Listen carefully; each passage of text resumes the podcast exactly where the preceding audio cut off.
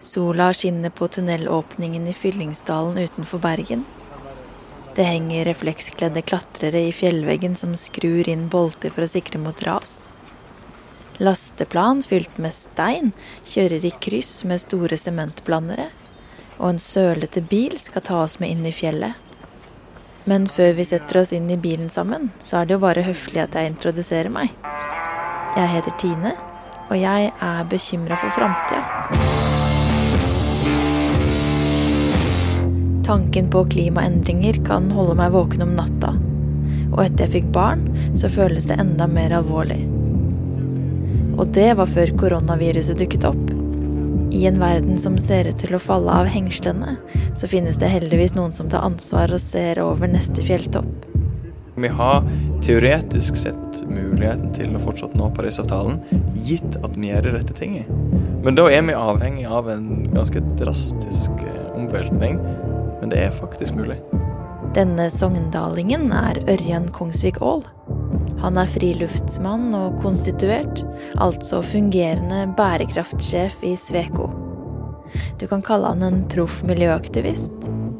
Svekos ingeniører og arkitekter de kombinerer fakta, forskning og fantasi når de prosjekterer morgendagens samfunn. I denne serien skal Ørjan gi oss et innblikk i hvordan Sveko tenker når det kommer fram til tilsynelatende enkle løsninger på komplekse problemer. Og nå er vi i Bergen. Ja, I dag skal vi se på, se på, Bybanen i Bergen, som er i utgangspunktet et infrastrukturprosjekt for å frakte folk rundt med bybane. Men i tillegg så har de da lagt til en sykkeltunnel, som er ganske kul. Som jeg tror er verdens lengste sykkeltunnel. Og da byr jo på en del muligheter og en del utfordringer. Det skulle bygges tunnel i Bergen, sånn at Bybanen kan frakte folk til og fra drabantbyen Fyllingsdalen gjennom fjellet Løvstakken. Og når en bygger tunnel, så trengs en rømningsvei i tilfelle noe skjer og folk må evakueres. Det var da noen kom på at rømningstunnelen like så godt kunne bli en sykkeltunnel. Som ikke bare skulle kunne brukes om det blir krise i tunnelen, men som gjør at du kan la bilen stå og heller sykle tre kilometer gjennom fjellet for å komme deg dit du skal. Siden åpningen sommeren 2010 har Bybanen i Bergen fraktet over 100 millioner reisende og spart Bergens borgere for store mengder klimagassutslipp. Når en reduserer karbon, reduserer en ofte også kostnader. Og også under selve byggingen av Bybanen så har Sveko vært med på å få ned utslipp og kostnader, bl.a. gjennom å resirkulere byggemassene og kildesortere på byggeplassen. Tunnelen til Fyllingsdalen skal stå ferdig i 2023 og derfor er tunnelinngangen til Løvstakken fortsatt en byggeplass. Og vi skal bli med Jens Petter Holmsen inn i fjellet i en sølete bil. Holmsen er byggeleder for byggingen av Løvstakken-tunnelen, i tillegg til å være tunnelentusiast. Hva er det som gjør at du har blitt så glad i tunnel, da? du, det er, det er bare rent tilfeldig. Altså, jeg har eh, jobba mye i tunnel. og så det, Jeg drev mye med landmåling før stikking og sånn. Og det var jo litt eh, kaldt om vinteren, da. Og her inne er det jo eh, nokså stabile temperaturforhold hele året. Solstrålene ble igjen ved inngangen av tunnelen, og lysstoffrør, som ser ut som lasersverd i ulike farger, lyser opp den grå innsiden av fjellet så godt de kan.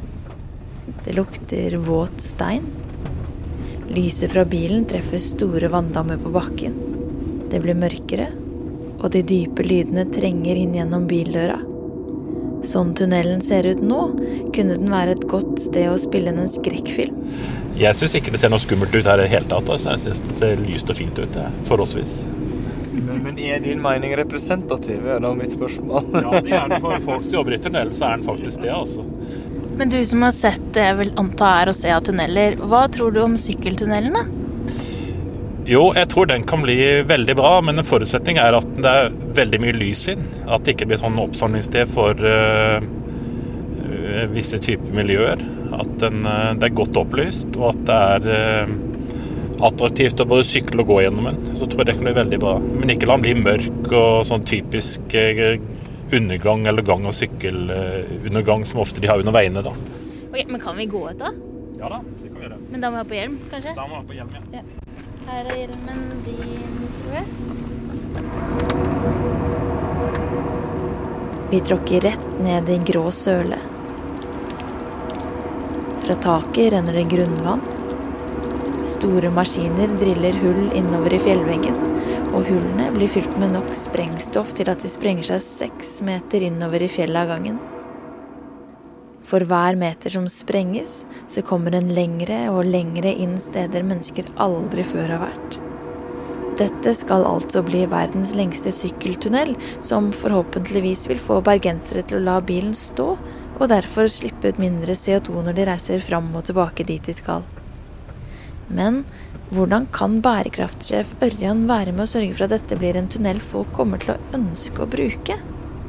Vi er jo ingeniører, og ingeniører har jo historisk sett prosjektert tekniske løsninger og ting og tang som skal virke. Men nå blir jo ting mer og mer komplekst, og vi må ta mer og mer hensyn til folk. Sant? Altså Sveko skal prosjektere framtidens bærekraftige byer og samfunn. Da må ikke vi bare prosjektere teknisk gode ting, men vi, må rett og slett prosjektere for folk. Og da må vi være tverrfaglige på en helt annen måte. Sånn, sånn som med sykkeltunnelene. Du må inn med folk som har peiling på psykologi. For hvordan skal nettopp gjøre en ganske sånn guffen og ukoselig unnskyld, ukoselig tunnel til, til, noe som, ja, som, folk har lyst til å bruke. Og da er forbi det vi lærer på skolen. Så da må vi rett og slett utvide for vår horisont og, og, ta med helt andre fag og tenke på nye måter. Og det er jo da det blir kjekt å jobbe. Dette her med hvordan ingeniører ikke bare tenker på beregninger, men også må bruke sine empatiske muskler for å forstå hvordan det de lager vil oppleves av de som skal bruke det. Det vil jeg høre mer om. Bli med til Sveko-kontoret, så hører vi med Stig Jarle Svardal, som er sjef for Bybaneprosjektet, og derfor også sykkeltunnelen. For hvordan kan en tre kilometer lang sykkeltunnel få reisende til å parkere bilen og bli noe som folk ønsker å bruke? Det er jo egentlig et ganske godt spørsmål, og det ble jo stilt eh, ganske tidlig i prosessen. Det vi gjorde, vi gikk inn med, med et team med arkitekter, eh, ingeniører, lysdesignere eh, og, og, psykologer som så på hva kan en gjøre eh, for å få, det, få ned terskelen egentlig for å bruke tunnelen. For å gjøre det som en, en trygg og god opplevelse å sykle og til og med gå gjennom der. Se for deg at du er på vei hjem sent en kveld på sykkel. Du kan velge å sykle rundt fjellet eller gjennom tunnelen. Hva skal til for at du skal få tre kilometer med fin opplevelse? og ikke en tur der du har hjertet i halsen for hva som kan skje på veien gjennom fjellet?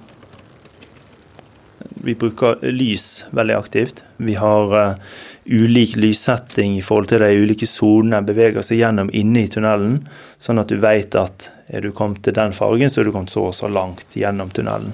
Lys, altså. Sånn at tunnelen blir oversiktlig for deg mens du tråkker deg hjemover. Men hva med lyden? Kunne det vært noe med litt Mozart? Eller heismusikk?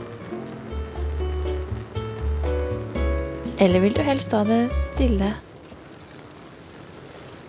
Som sikkerhetstiltak skal 100 overvåkingskameraer følge med på det som skjer, og det skal være nødtelefon for hver 250 meter. Stig Jarle Svardal mener at ved å gjøre tunnelen oversiktlig med lys og ulik betongoverflate på veggene, så vil det bli mindre sannsynlig at det vil skje uønskede ting i tunnelen. Det er lagt opp til at du får den variasjonen, eh, sånn at det er ikke en, er ikke en slett betongflate hele veien. Det er ulik eh, struktur i betongplatene med både akustiske og sånn overflateegenskaper som gjør at det, det, er komfortabelt og behagelig å, å være der det å få et, eh, et klima som er, er, behagelig å være i òg, eh, en viktig del av, eh, av, den opplevelsen som folk vil ha gjennom der. At vi ikke får den der rå tunnelgruvefølelsen, men at en får en følelse av å, å, å, være på en behagelig plass. Og så er jo det sånn at du er alltid på reise gjennom tunnelen. Er ikke, det er ikke meningen at en skal stoppe opp og, og oppholde seg der. Men uh, den reisa skal være så, så, god og behagelig som mulig. Bergen ønsker å bli Norges grønneste by, og med denne kombinerte rømningsveien og sykkeltunnelen, så sparer Sveko byen for store mengder karbonutslipp. Du vet, mange bekker små gjør en stor å.